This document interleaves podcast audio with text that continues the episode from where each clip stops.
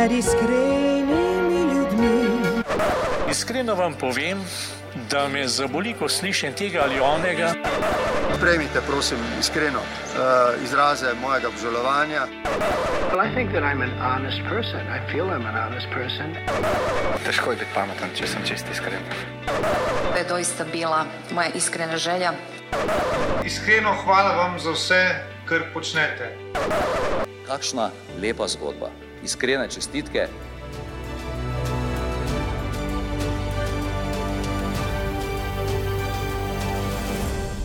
Drage poslušalke in spoštovani poslušalci, prisrčno dobrodošli v novi oddaji najbolj iskrenega podcasta. Moj današnji gost je nekdo, katerega opis sem najprej našel eh, na spletu in se glasi nekako takole: in sicer, da je z virusom žoge okužen že od otroštva in da se v pogledu na šport spenja nad navijaško subjektivnost in predvsem nad jezikovno in splošno suhoparnost. Ja, vem, ker precej zakomplicirane besede. Verjetno ste zdaj pomislili na kakega klasičnega športnega novinarja, ampak temu ni čisto tako. Ta ista oseba, o kateri govorim, po drugi strani pred vas prinaša zgodbe, poglede, občutke na priljubljenem krščanskem portalu Aleteja, kjer je med drugim tudi zapisano, da je moj današnji sogovornik radovedni iskalec spodbudnih, izstopajočih ali pa prezrtih zgodb. Lojze Grčman, eh, pozdravljen in dobrodošel v najbolj iskrenem podkastu. Dušan živijo, velikansko čast mi je, da, da sem bil povabljen. Lojze, Da je bil gosti. No, hvala, ni problema. Nekaj časa smo se že pogovarjali ne, o tem gostovanju, zdaj je pa kar nekaj takšnih zelo lepih istočnic, o katerih se lahko danes v tem še vedno adventnem času tudi eh, spregovoriva. Um, Ne vem, Dušan, da smo se pogovarjali nekaj časa. Takoj, ko sem dobil vabilo, sem v isti desetinki sprejel. a ni bila prva obljuba že pred kakim letom? Sem to jaz z nekom drugim govoril. Okay, dobro, zdaj si tukaj. Loj za to v, v državi ni prav Ni veliko. veliko. Zdaj si tukaj in to je tudi eh, najbolj pomembno. Zdaj, takole za uvod, ne, eh, večino časa ti preživiš na drugi strani mikrofona, torej na tisti, na kateri eh, sedaj sedim eh, jaz, torej si ti tisti, ki išče zgodbo, postavlja vprašanja in temu bo zdaj sedilo eno tako klasično športno vprašanje, vprašanje kakšni so tvoji občutki na drugi strani mikrofona. Uh, zelo dobri, hvala uh, lepa za vprašanje. Um, čeprav nikoli nisem. Uh, Vsaj veliko ne deloval, če odšteva kakšne uh, javljanja s tekem na, na radio Zeleni val v študentskih časih za radijskim mikrofonom, uh, pa mi je ta medij zelo blizu, zelo rad eh, poslušam tako nacionalni radio kot radio Ognišče in še, še kakšne druge, uh, recimo temu, kakšne, kjer vrtijo kakšne balkanske ritme. Um, in sem vesel, um, da, da sem lahko s tabo in vesel, da sem pred mikrofonom. Uh, so mi pa uh, zadnja dogajanja um, v zvezi z, z knjigo Martina Goloba dala tudi nekaj več izkušenj, uh, tudi na radijih uh, um, in tudi že um, prva knjiga. Um, O Urošu Zormanu, biografija, ki sem jo napisal, uh, je, bila, je tudi dobila radijske odmeve, tako da nekaj izkušenj imam pa tudi s tem. Bova o obeh teh knjigah in tvojih izkušnjah, občutkih ob pisanju spregovorila še malo Sem kasneje. prehitel, oprosti, Nič oprosti. hudega, nič hudega, klasična novinarska zadeva, ko te ponese predaleč, Ja, ja. ampak Takoj se eh, hočeš ni problema. Uh, Lojze, če se jaz spomnim, par let nazaj, ko sem videl verjetno tvoj prvi članek na Aleteji, sem najprej pomislil, da je napaka. Zakaj? Spomnim se te, ko si še ustvarjal na portalu siol.net, ne? bil si tam športni eh, novinar, sodelavec. ne? Ja. In sem vedel, da Lojze Grčman piše športne prispevke. Kako je mogoče, da bi sedaj Lojze Grčman pisal neke krš, uh, članke s krščansko in podobno vsebino, ampak potem sem seveda ugotovil, da to ni na, napaka. Pa če se vrnemo zdaj v tiste čase, ali pa še malo nazaj, se ti spomniš, kdaj se je rodila ta tvoja ljubezen do tega na nek način novinarskega poklica, ki ga pa ti res združuješ v različnih pogledih, v različnih načinih. Ne? Uh, ja, pisanje uh, mi je šlo kar dobro od rok, uh, že, že v osnovnošolskih letih. Uh, mama mi je privzgojila nekakšno ljubezen do, do branja, do, do knjig. In, in to je bilo povezano, da pač nekaj, kar, kar prebiraš, se ti uh, jezikovno obzorje širi in zato.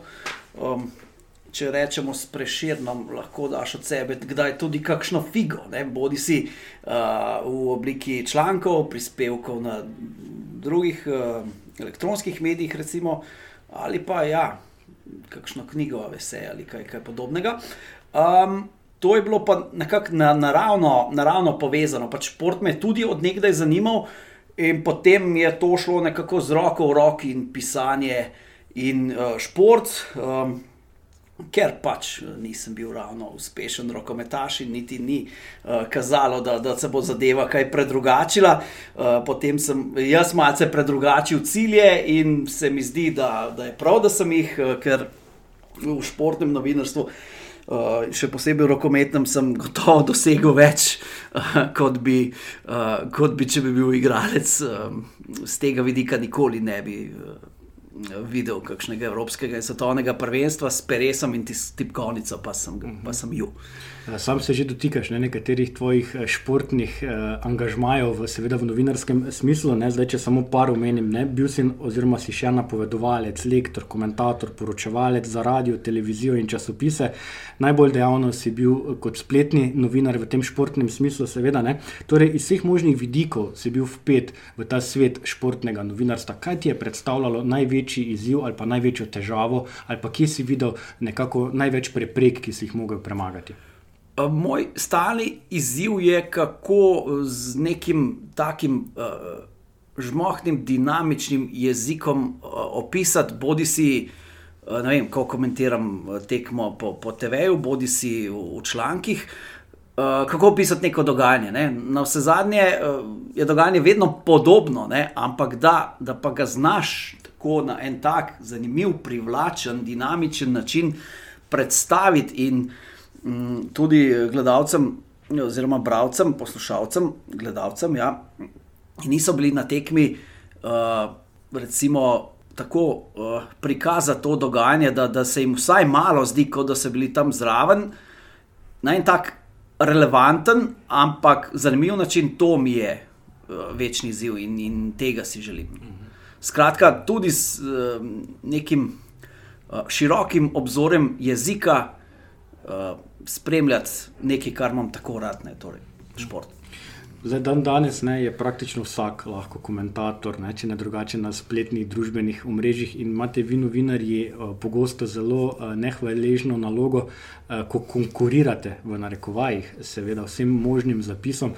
Kako ti gledaš na to, kako se je recimo, v zadnjih letih spremenilo delo novinarja, pa ostanimo kar pri športu, ne? ker šport je pogosto tisti, ki razdvaja v različnih pogledih, lahko imamo različna mnenja, poglede. Ne? Vi, novinari, mo ste morali in ti, tudi kadar še ustvarjaš neke športne eh, prispevke, moraš ohraniti eno eh, to distanco. Ne? Kako gledaš na, na, to, eh, na ta razvoj položaja športnega novinarja v Sloveniji? Ne pred leti, ko ste bili, oziroma ko so bili novinari, ki so edini prinašali neko resnico ali pa neko dogajanje dogajanje naprej je bilo verjetno bistveno lažje, sedaj, ko je splet, je pa vse na voljo. Ne? Vse informacije so na dosegu roke. Ja, eh, se mi zdi, splet in družbena mreža so diametralno mogoče spremenila to sceno. Včasih so mi pripovedovali starejši kolegi, kako so v trst hodili po.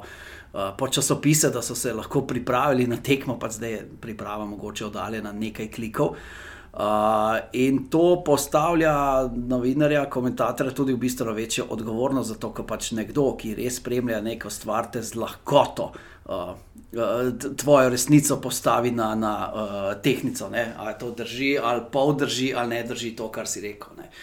Um, ja, in se mi zdi, da je tudi zaradi tega in zaradi neskončne želje po, po klikih in ogledih, uh, manj nekih poglobljenih vsebin, bistveno več pa je nekih takih, ki so um, embedani oziroma udelani uh, tviti ali pa kakšne druge zadeve. Ne samo v športnem novinarstvu, mogoče še, še manj uh, je pa kakšnih uh, estradnih um, temah to še bolj prisotno. Poglejte fotko Jana Plestenjaka ali pa ne vem, koliko pač to sem dal tako primer in tam je pripisanih ne vem, nekaj stavkov, in uh, tista fotografija z Instagrama, in to je članek. Ne. Jan Plestenjak, kot ga še niste videli. Ne. Okay, ne. Bolj, uh, mogoče bistveno več je tega, seveda, poglobljena vsebina, neki dolg intervju, uh, komentatorski žanri zahtevajo bistveno več časa, znanja, uh, tega, da se pozanimaš, tega, da kličeš več različnih verov. In um, Zato je mogoče pot do nekih relevantnih informacij, ki jo dobijo bralci, morda zdaj celo težja, ker je informacij bistveno več kot nekoč, ampak moraš biti res velik mojster ali pa uh, si vzeti veliko časa, da boš to selekcioniral in ločil zrnje od plev.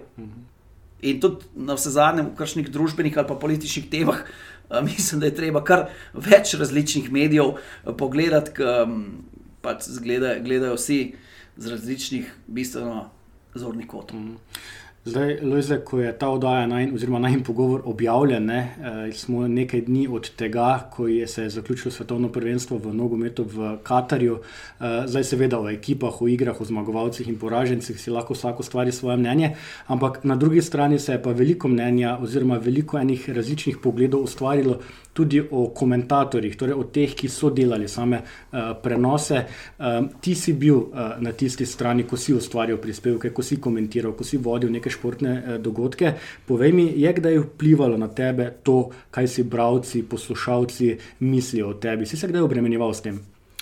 Ja, v preteklosti, zdaj sem recimo na eni, uh, zaradi tega, ker sem se posvetil v zadnjih mesecih knjigi, sem na eni taki komentatorski uh, pauzi. Uh, Uh, na zadnje sem komentiral na Športeveju, košarko in rokomet, predtem sem bil nekaj časa, ko sem delal za Sioleno, kratko obdobje na planetu. Uh, začel sem pa leta 2011 svojo komentatorsko pot pod mentorstvom Iva Milovanoviča na Sportklubu. Legendarnega Iva uh, Milovanoviča, ki se ga vsi spominjamo. Ja. Um, torej, to, to, to so moje tri televizije, recimo temu. Um, če sem se kdaj obremenjeval, uh, jaz sem vedno za konstruktivno kritiko in tudi, če se spustiva malo na, na nivo člankov, jaz lahko za katerega koli od svojih preteklih člankov uh, debatiram s, s komorkoli in pač stojim za, za vsako besedo. Dobro, ok. Uh, za, mislim, dobesedno za vsako besedo, ampak uh, lahko zagovarjam tiste teze z argumenti, ki sem jih takrat eh, tehtal in ki sem jih zapisal. Vem, zakaj sem tako pisal, za, za vsak članek posebej. Ne glede na to, da je mogoče od kakšnih minilo že 50 ali pa še kaj več let. Um, in uh, meni je konstruktivna kritika super. Mi je, pa, mi je pa to vrstno neko kritikanstvo, um, pa ga ne maram. Kritikanstvo v smislu, uh, um, mogoče iskanje dlake v jajcu, ali pa še bolj to, da se nekdo sploh ne pozanima dobro o tisti temi, o kateri ti mogoče soli pamet. Ne? Recimo, uh, tipičen primer tega je, um, recimo, vem, trener, selektor razloži vem, na tiskovni konferenci, zakaj teh in teh in teh igralcev ni v članku. Uh, ki je objavljen nekje na enem družbenem omrežju, in pač uh, vrli komentator pa piše, zakaj pa ni teh in teh igralcev, ali si jih spet pozabil, ali jih namaraš ali kaj. Dej, uh, za začetek najprej preberi članek, potem bo pa naprej. No. Uh -huh. Tako da uh, sem povsem odprt za, za kritiko, ampak če, če pač vsi vemo, o čem materija govori. Zdaj, eh, prej si že samo omenil, ne, da se rad spustiš, oziroma da rad raziščeš tudi ta uh, pogled športnikov, odnos športnikov do njihovega športa. Um, zdaj, če se spomniš, lani smo bili na eni rokometni tekmi uh, skupaj v celju in jaz sem takrat opazil, da imaš z marsikaterim igralcem zelo pristen, prijateljski odnos, kar izvira iz tega tvojega ukvarjanja oziroma spremljanja njihovih tekem. Ampak kje pa ti potegneš črto? Ne? To me je vedno zanimalo. Ne? Si, si kdaj sam sebe našel v položaju, recimo, ko si rekel, da tukaj pa potegnem črto, ko si komentator, ko spremljaš neko športno dogajanje. Ne? Ker včasih je tudi treba pokritizirati, in prijatelje je pa težko kritizirati. Ne?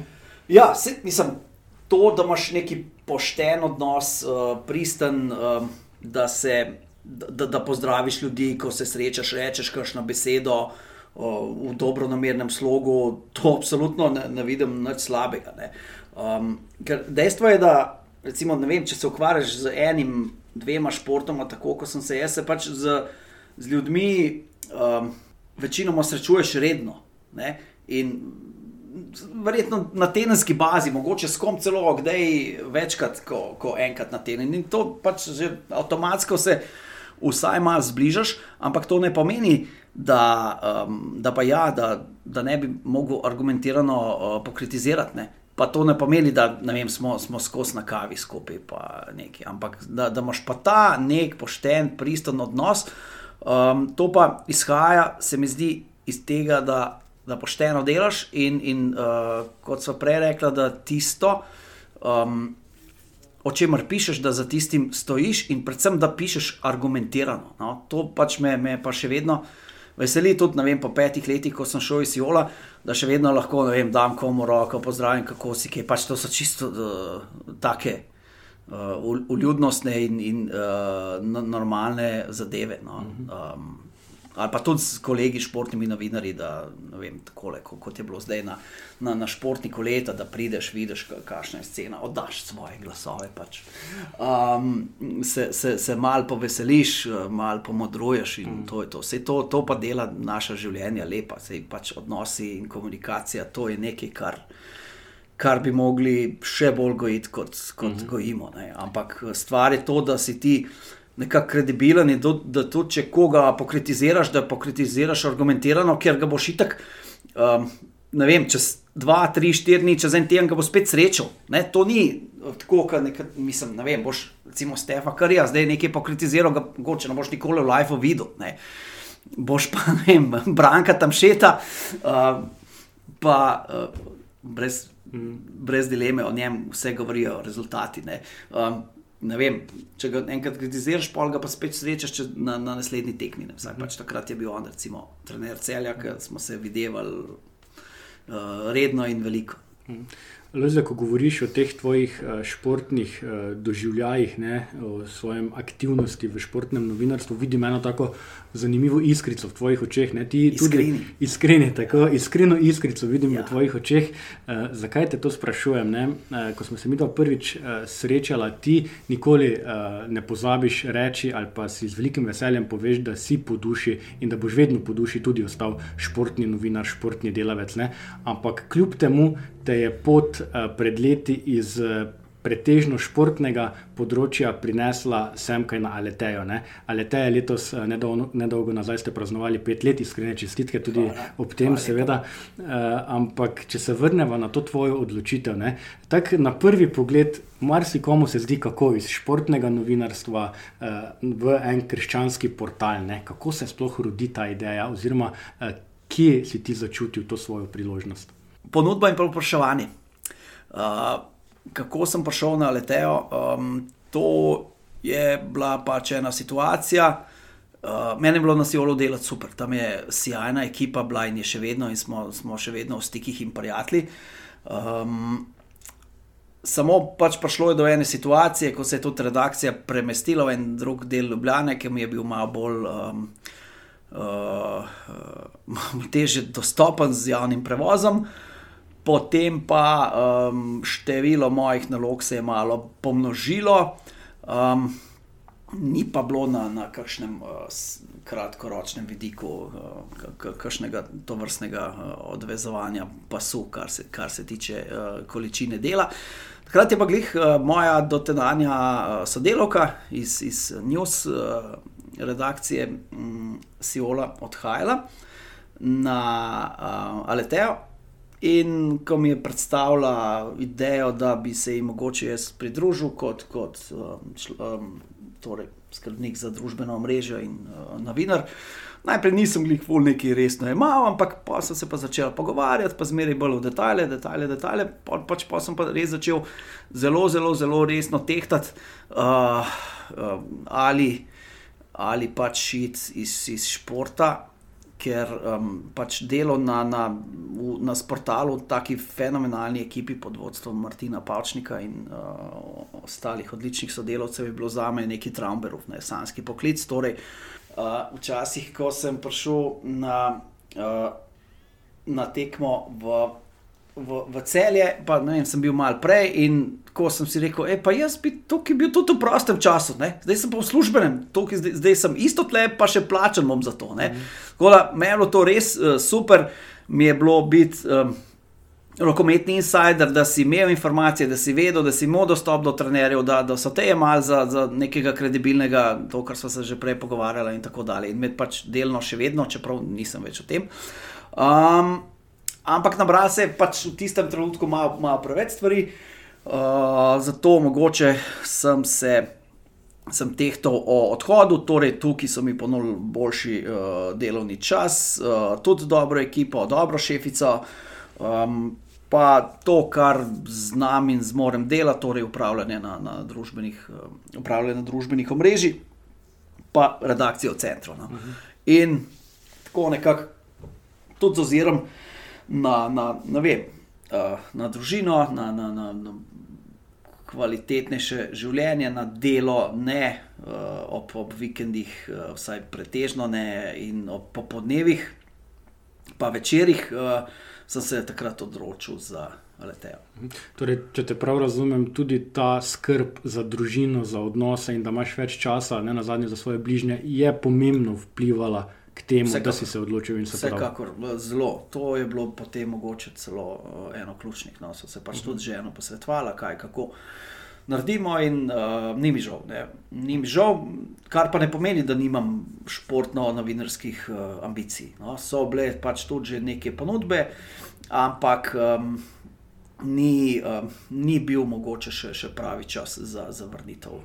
To, čeprav vem, da pač Slovenija je majhna in uh, priložnost, ki pride, pa če mogoče kdaj drugič ne bo. Ne, to se popolnoma zavedam. Ne. Se pa tukaj počutim dobro, uh, v ekipi, spoštovanega in cenjenega, in ko rad ustvarjam za leteo. Pa glede na to, da si se podal iz športnih vod, pretežno športnih vod, vod v te, da rečem pod spet pod narekovaj, katoliške, krščanske eh, vode, ustvarjanje malo drugačnih vsebin, si se kdaj soočal s kakšnimi čudnimi pogledi, vprašanji, nerazumevanjem, mogoče zakaj ti je tega treba? Ja, gotovo. Je, je, je pa res to, da mislim, nimam rubrike Cerkev na slovenskem. Uh, naši bi se romašniki. Pač, ne ukvarjam se s takimi temami, niti se pač aletejane. Pač probamo um, nekako uh, poetika naše uh, redakcije je. Je dati recimo mm, eno tako spodbudne zgodbe, družinske zgodbe, uh, uh nagovorjujoče vlogerje, uh, kakšno tako enostavno duhovnost, mogoče za tiste, ki pač bi se radi vrnili k koreninam. Uh, Uh, take zadeve in, in tudi jaz imam kakšne te navdihujoče, zelo rad. Uh, super mi je pa tudi pač parpelat med, med to, recimo tudi um, ljudi, ki ne vem, mogoče niso verni, ampak pač uh, imajo neko to pozitivnost. Recimo um, z, z Danijem sta. Uh, Gostovali smo super oddaji, pač moške, uh, moške skrivnosti, ne prav posebni video oddaji. Um, moške skrivnosti so rubrika, ki uh, res lahko pride zelo, zelo širok uh, diapazon ljudi, ne? od res nevernih, uh, pa do med njimi tudi nekaj slavnih. Zdaj, zdaj, pred časom sem zelo uspešno gostil Saško Tajerkoviča, uh, novinarja in voditelja na TV Sloveniji. Je bil zelo, zelo uspešen članek, ne glede na to, da nisva nič govorila o duhovnosti. Ne? Skratka, um, hočem povedati, uh, jaz in mi se zauzemamo tudi za to, da bi, ne vem, kot si omenil, katoliški medij dobil in dal ljudem tudi neko širino, tudi nekako povezovalno deloval v tej tako zelo veliko krat razdrti Sloveniji. Pa se ti zdi, da imamo vsi mi, ki ustvarjamo te vsebine, ne tudi mi, ki, na iskrenih, ki se trudimo uh, na tem področju, uh, da imamo včasih mogoče preveč zadržkov do tega, da v ta naš krok, ne, ki je krščansko orientiran, ne, iz tega ne na zadnje oba izhajava, um, da povabimo nekoga, ki pa ni recimo um, toliko veren, prepričan v to, v kar mi verjamemo, da se kar malo branimo, mogoče nekoga, ki ne deli popolnoma naših pogledov.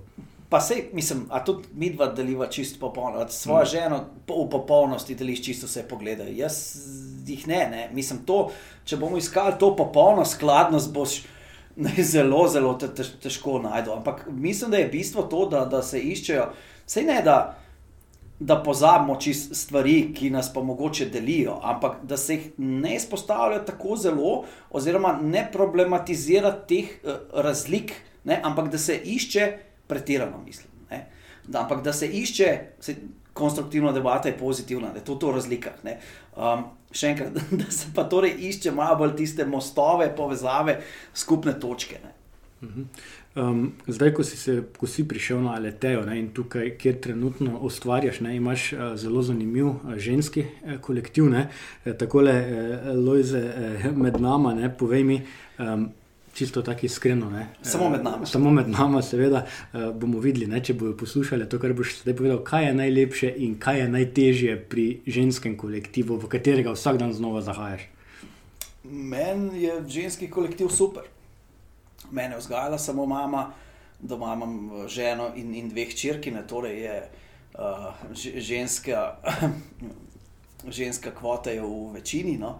Uh, tako da, ko prijateljic imam, tako da jaz se med, med ženskami super počutim in tukaj uh, se res, uh, ko mislim, da lahko sem. sem sem razvijal, razvijam in še bom razvijal svoje talente, tudi uh, mogoče zdaj, um, lani, ko je bila, mislim, delno tudi letos, pa lani, ko je bila šefica na dopustu, sva si s kolegico Urško Kolenc mal delila te uredniške, uredniške in logistično-organizacijske zadolžitve.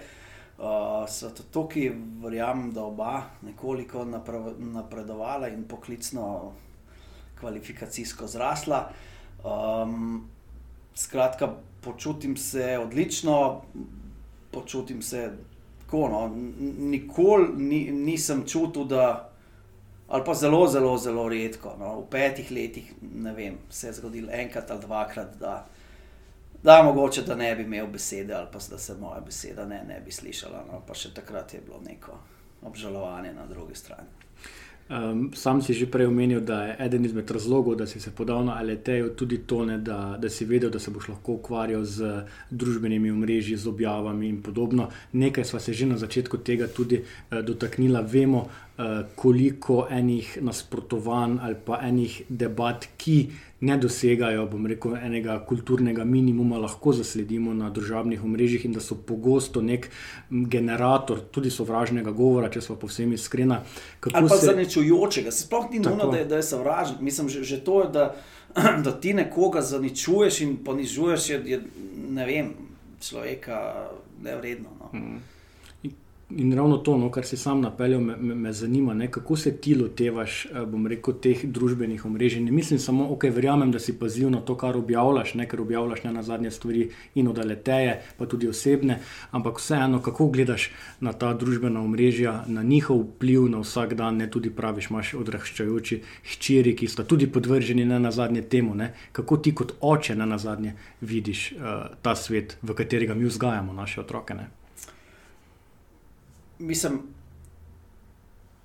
če nekaj se spraviš komentirati, če neko mnenje izstavljaš ali pa izpostavljaš na nek uh, forum, ne, uh, na nek piedestal, uh, bi mogel o tem res a, dobro razmisliti, se dati podočiti, oziroma ko, da, da bi o tem res nekaj vedel. Ne. Problem je. Uh, ni problem to, da so mogoče, če se vrnemo k športu, vsi selektori. Ampak to, da v bistvu se ne ve, se ne ve sploh. Um, Ne samo, da niso insideri ljudje, ampak da, da to tisto, kar je dostopno, mogoče nekateri sploh niso prebrali, pa pač se, se to že začne pametovati, žaliti, še posebej pač pod neko anonimnostjo. Ne. Um, če že, ne, se pač, ne vem, žali, mislim, se to ne, če že, ampak mislim, pod, pod nekim nicknameom no, je to res strahopetno dejanje. Ne, če komu nekaj rečeš, pač se vsaj podpiši pod to. Mhm. Um, in če se zdaj v tem zadnjem delu uh, najnega pogovora, ne spregovorila sva že o tvojih um, športnih, novinarskih uh, dosežkih oziroma udejstvovanjih, govorila sva o tvoji vlogi uh, na Aleteji. Uh, je pa v teh dneh, sam si na začetku omenil, da ti vzame kar nekaj časa uh, tudi promocija oziroma uh, reklamiranje, če smo čisto iskreni, uh, nove knjige, ki, je, ki si jo napisal in sicer uh, spodbude Martina uh, Goloba z naslovom Na spletni prižnici knjižnici. O, o sami knjigi boš lahko tudi eh, sam kaj več povedal, ampak še predtem, ne, še predtem si eh, z Martinom sodeloval pri tej knjigi, si pa napisal svojo prvo knjigo, je bila pa uh, autobiografija, oziroma biografija, Biografija, tako biogra biografija trenutnega rokometnega uh, selektorja uh, Uroša Zormana. Zdaj, tako Uroš Zorman, ne, za katerega vemo, da je med drugim um, v slovensko javnost spravil izraz kauč selektorji, uh, on je znan potem po svoji brezkompromisnosti, iskrenosti, da je brez dlake na jeziku, na drugi strani tudi Martin. Ne, Zna marsikdaj povedati, kakšno pikro, oziroma kakšno takšno, ki ti pusti sled v tebi. Povej mi, kako ti je bilo sodelovati s takima dvema osebama, oziroma povzeti te njune misli v eno knjigo, v nekaj, kar sedaj prinašaš v tej obliki pred bralce. Z obema mi je bilo super, fantastično in ful se privilegiranega počutim, da, sem, da sta oba privolila v, v, v mojo idejo. Um, je bilo pa ustvarjati knjigo z Urošem, ful drugač, prvič zaradi tega, ker je bila prva in nisem vedel točno kako, drugič zaradi tega, ker je bilo res ogromno sogovornikov. Uh, zasnovana je, je z 40 poglavji oziroma 40 sogovorniki, uh, načeloma po en za vsako poglavje ob njegovi 40-letnici, ki se jih je pa nabralo še malo več. Ne? In sem imel tam vse skupaj z njim vred 48 sogovornikov. Um, In zato je bilo uh, to malo bolj uh, večji logistični zalogaj. Uh, Medtem ko pač pri Martinu sem pa že imel to izkušnjo z Urošem, um, je pa samo en, to, to ni biografija, ampak je kot rečeno misli in razlage, uh, malo osebne, malo duhovne, malo nekaj vmes, uh, pa spodbude. Um, zelo dober načrt sva naredila z urednikom uh, Davidom Ahačičem, ki sem mu za to zelo hvaležen. Uh, neko tako hrbtenico, dobro okostje knjige, in tistega sva se z Martinom Pol kar dokaj uh, trdno držala, seveda pa je bil prostor tudi za iti malo krok, malo na kakšno drugo temo, kot je pač pogovor na nesu. In to je to, um, ta ograja uh, tega okostja je bistveno pripomogla k temu, da je bil rokopis uh, napisan um, relativno hitro, ampak potem so bile pa še vse druge stvari, uh, kar se tiče uh, dokončanja knjige, povezane s fotografijami, z naslovnico, s spremnimi besedami, komentarji in tako, in tako dalje. No. Um, ja, sem pa res, res vesel, no, da. Uh, Da sta ogledali luč sveta, obe uh, ti knjigi.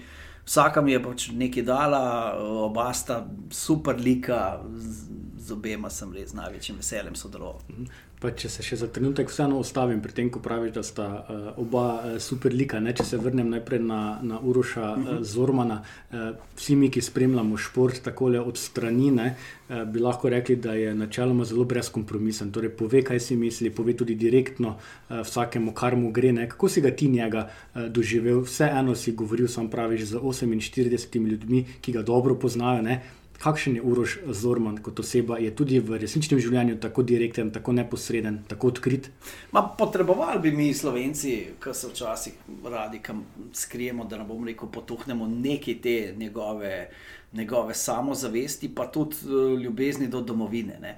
Tako, včasih spremljalci športa zelo hitro pozabljamo, kaj, čemu vse pač se reprezentanti leto za letom, bodi si poleti ali pa v, rokometnih uh, primerih, predvsem po zimi, januarja pa decembra, um, odrekajo za to, pač, da so lahko tam. Ja, vsak si želi igrati za, za reprezentanco, samo ko, no, ko si pa ti, ne vem, 10-12 let v reprezentanci, itak ta še želja obstaja, ne? ampak. Um, Se pa ne vem, odrekaš uh, praznikom s familijo, uh, rojstnim dnevom, um, recimo otrok in take stvari. Pač ti si nekje na pripravi, zdaj sem bral um, biografijo Kirila Lazarova, najbolj znanega makedonskega rokometaša, ki jo je napisal moj biografski prijatelj Žika Bogdanovič. In mislim, da ta Kiro je razlagal, kako ima ta dva njegova otroka uh, januarja rojstni dan. Njega takrat nikoli ni bilo doma. Ne, si predstavljaš, da nobenega rojstnega dneva svojega otroka ne bi ne bi praznoval. Uh, bi pa rekel, da ja, sem z reprezentanco tukaj na treningu, ja, za domovino, za domovino. Ja, super. Ne? Ampak pač familija je pa prva, ne? brez familije tudi domovine ne bi bilo. Um, tako da pač to je ena taka stvar. Um, Ko včasih, ne vem, spomnim recimo. Goran Dragič, enkrat, mislim, na 2015 ali kdaj je rekel, da bi si vzel Frej poletje, pa je doživljal res napade, razne puščice, raznih ostrin in tako, ja, zakaj pa ne, zakaj pa ne. Le, vedno je bil na voljo, no, zdaj mora pa pač še za kakšen drug sajt. To, to ne pomeni, da zdaj nima, nima rad domovine, ampak pač po svojega razumem, da lej, kdaj, kdaj si pa moraš vzeti pač neki ta break. Ne. Zdaj praviš, ne, da bi bilo dobro, da bi si slovenci včasih vzeli malo zgled uh, pri Urošu in pri drugih športnikih v tej ljubezni do domovine, pa še verjetno pri marsičem drugem. Uh, če se zdaj obrnemo na drugo stran, ne, Martin Golop uh, je pred leti zablestev dobesedno z temi vlogi, ki jih je pričel snemati uh, ravno za Aletejo, ne, pri kateri, kot rečeno, ti sodeluješ oziroma deluješ. Um, kako ste vi na Aleteji spremljali ta njegov? Pa lahko rečemo, kar meteorski vzpon po priljubljenosti. Ne? Predvsem me zanima to, da mar se kdo tudi pravi, da ja, vseeno je še duhovnik, ni pop zvezda. Ne? Kje potegnete črto, jo sploh vlečete? Ja, vse Martin nikakor noče biti pop zvezda. Um, zaradi tega, ker uh, no, noče si oblikovati tega kulta osebnosti. On ni tisti influencer, ki bi hotel biti v središču pozornosti. Pač on pač hoče nekaj povedati, hoče tudi oznanjati vero, pozitivne stvari, uh, uh, spodbujati, dvigati. To je to, kar si on želi s priljubljenostjo, ne, ne, ne pa zato, da se bo on kitil s tem perjem slave. In, in njemu uh, preveč izpostavljanja v medijih, absolutno ni všeč.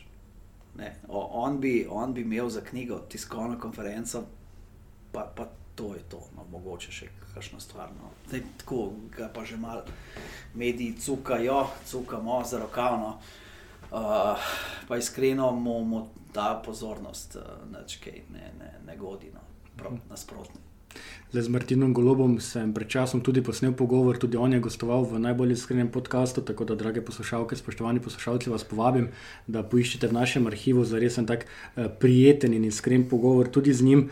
Um, vse tiste, ki pa bi mogoče želeli uh, kupiti uh, knjigo na spletni prižnici avtorja um, Lojzeta Grčmana in pa uh, vse, za vsebino spodbud Martina Goloba, vas pa povabim, da bodi si obiščete uh, spletno uh, knjigarno družine ali pa uh, našo trgovino Iskreni, ker jo tudi uh, prodajamo, tako da lahko, vkolikor še niste uh, našli kakšnega darila v teh praznikih, ki so pred nami, je to zagotovo eno dobro darilo. Ali pa omenjam, trgovino Aleteja. Ali pa trgovino Aleteja, hvala Lojze. In ko ravno omenjam ta adventni čas, prihajajoč Božič in novo leto. Lojze, evo, za konec tega najnega pogovora ti nekako prepuščam besedo, kaj je tisto, eh, kar bi našim poslušalkam, našim poslušalcem zaželel ob prihajajočih praznikih ali pa v naslednjem letu za vse tiste, ki bodo mogoče ta podcast poslušali malo kasneje. Zaželel bi jim, da bi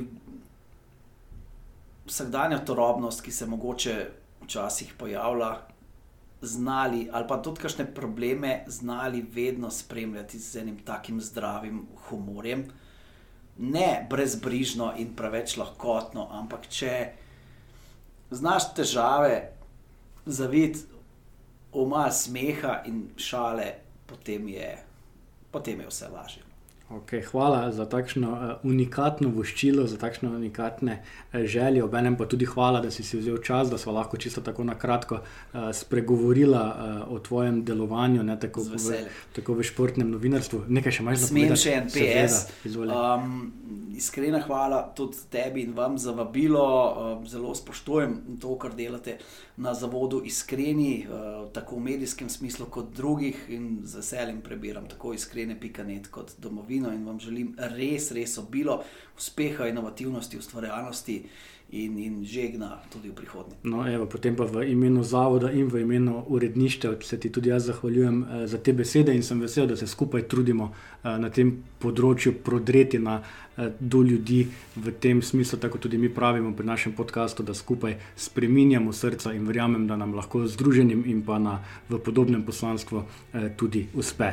Tako vam, drage poslušalke, spoštovani poslušalci, pa tudi eh, v mojem imenu želim eh, blagoslovljene prihajajoče božične praznike, vse dobro eh, v novem letu. Seveda to oddajo in vse pretekle oddaje, ki smo jih že posneli, najdete v našem spletnem arhivu ali pa v vaših eh, knjižnicah za podkaste. To je to, eh, do naslednjič nasvidenje, Loj za tebi pa še enkrat iskrena hvala. Najlepša hvala za vabilo. Tako, nasvidenje oziroma na poslušanje, do naslednjič.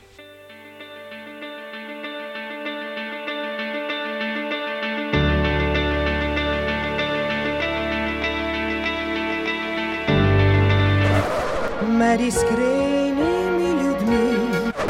Iskreno vam povem, da me zaboli, ko slišim tega ali onega. Sprejmite, prosim, iskreno uh, izraze mojega obžalovanja. Well, I think that I'm an honest person. I feel I'm an honest person. Težko je biti pameten, če sem čist iskren.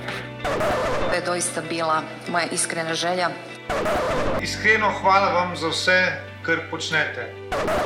Kakšna lepa zgodba. Iskrene čestitke